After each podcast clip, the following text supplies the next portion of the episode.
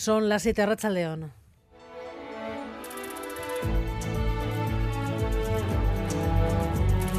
Gambara con Arancha García.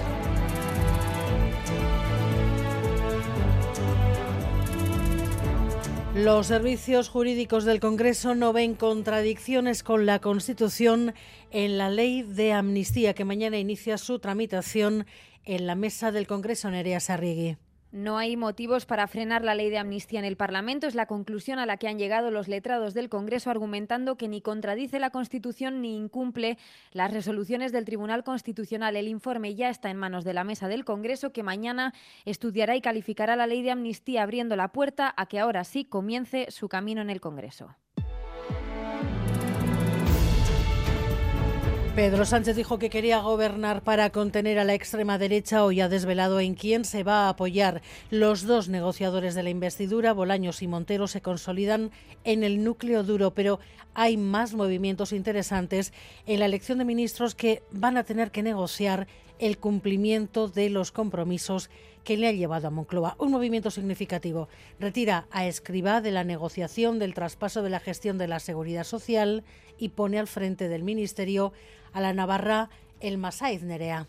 Sí, que no estaba en ninguna quiniela, pero será así ministra de Seguridad Social, la encargada a partir de ahora de negociar el traspaso de su gestión con el gobierno vasco. Es una de las pocas caras nuevas en el ala socialista, junto a, entre otros, el, el exalcalde de Valladolid, Óscar Puente. No hay reducción de ministerios, siguen siendo 22, 12 mujeres y 10 hombres. Y de los 17 ministros socialistas, repiten 12. Entre los cinco de Sumar, ninguno de Podemos. Los morados se quedan sin representación en la nueva foto de la Moncloa. El Masaez deja su puesto en el Ayuntamiento de Iruña y su marcha dispara el debate sobre una posible moción de censura para retirar la alcaldía a UPN hoy en Arangoa. El Masaiz aseguró que no haría alcalde a Sirón. Su marcha alimenta la posibilidad de una moción de censura que ya viene cobrando fuerza en las últimas semanas y que podría activarse tras el inminente debate presupuestario en un ayuntamiento, el de Iruña, que de facto la suma de EH Bildu, PSN, Geroa y Contigo Surekin en la oposición gana todas y cada una de las votaciones ante una UPN en minoría. Y sobre una de las leyes claves de la legislatura vasca, la ley de educación, novedades en la recta final del trámite parlamentario. EH Bildu habla por primera vez de votar en contra si no se retira la referencia a los modelos lingüísticos pactada entre los socios de gobierno Arnaldo Tegui si no se modifican determinadas cosas, votaremos en contra. A nosotros nos ha costado mucho hacer entender a nuestra comunidad cuáles eran las virtudes de esa ley. Lo hemos conseguido, teníamos un buen proyecto y al final en ese acuerdo se han introducido determinadas enmiendas que desde nuestro punto de vista no tienen mucho sentido porque desvirtúan el carácter de la ley, la naturaleza de la ley y los objetivos de la ley. Llevaba en busca y captura desde el sábado tras robar la pistola a una erzaña. Tenía graves antecedentes por violencia machista. Hace un par de horas se ha entregado en la comisaría de Deusto. Enseguida iremos con los detalles aquí en Gambara. Pero además hoy ha comenzado el juicio por la muerte a golpes del joven Santi Coca cuando salía de una discoteca en Donostia. Entre los testigos, su propio hermano. Yo me giré y vi como, como había mucha gente tirando patadas y puñetazos a mi hermano.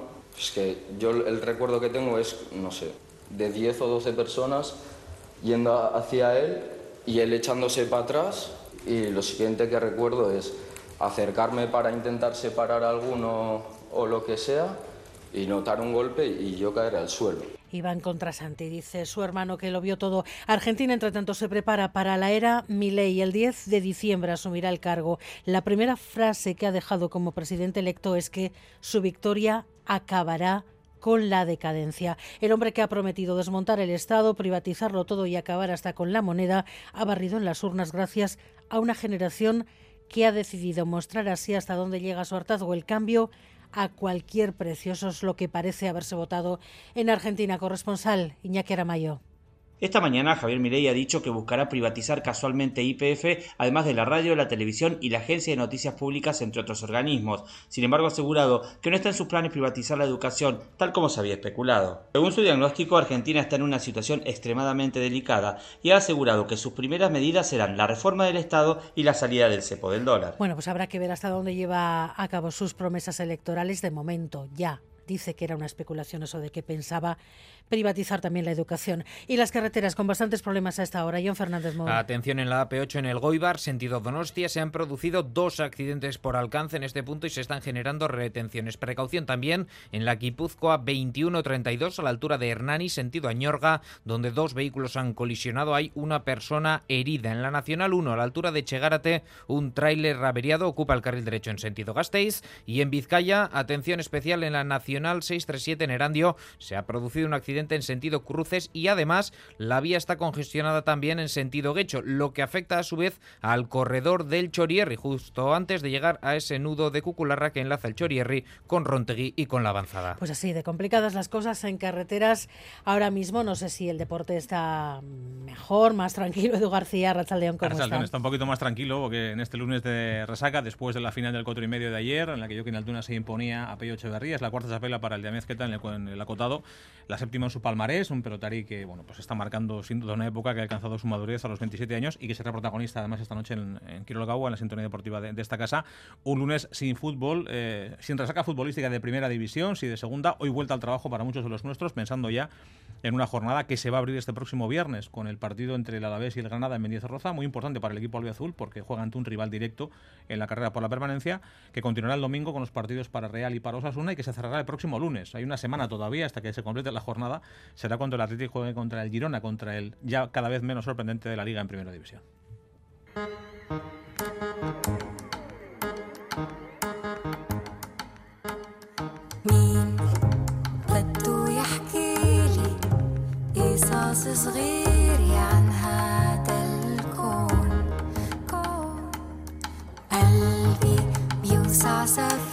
Nuestra contra hoy es para los palestinos que han podido huir de Gaza y que han acabado aquí entre nosotros. Xavier Madariaga los ha escuchado esta mañana contando el horror que dejan atrás y los retos a los que ahora van a tener que enfrentarse.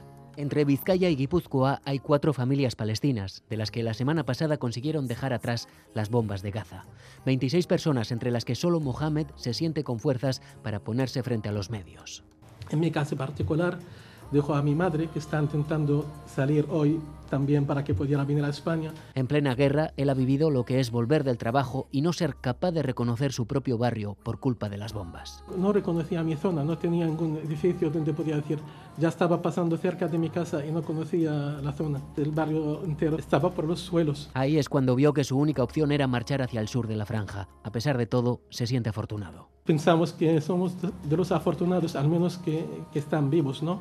y que han podido tener algún sitio donde poder dormir y conseguir algo de agua para beber y mucha otra gente no, no puede tener ni eso. Ahora ya duermen en una cama después de 40 días sin ella. La vuelta a casa la ven muy lejana. Mis hijos me dicen, nosotros vamos a estudiar en Gaza, a terminar nuestra carrera allí. Le digo, pero si no está, no está de pie, claro que tenemos el ojo de volver allí, pero primero que, que, acabe eso y luego que eso sea habitable. Mientras llega, solo piden que paren las bombas porque seguir pendientes cada hora de si han perdido o no a los que más quieren en la franja no es vida.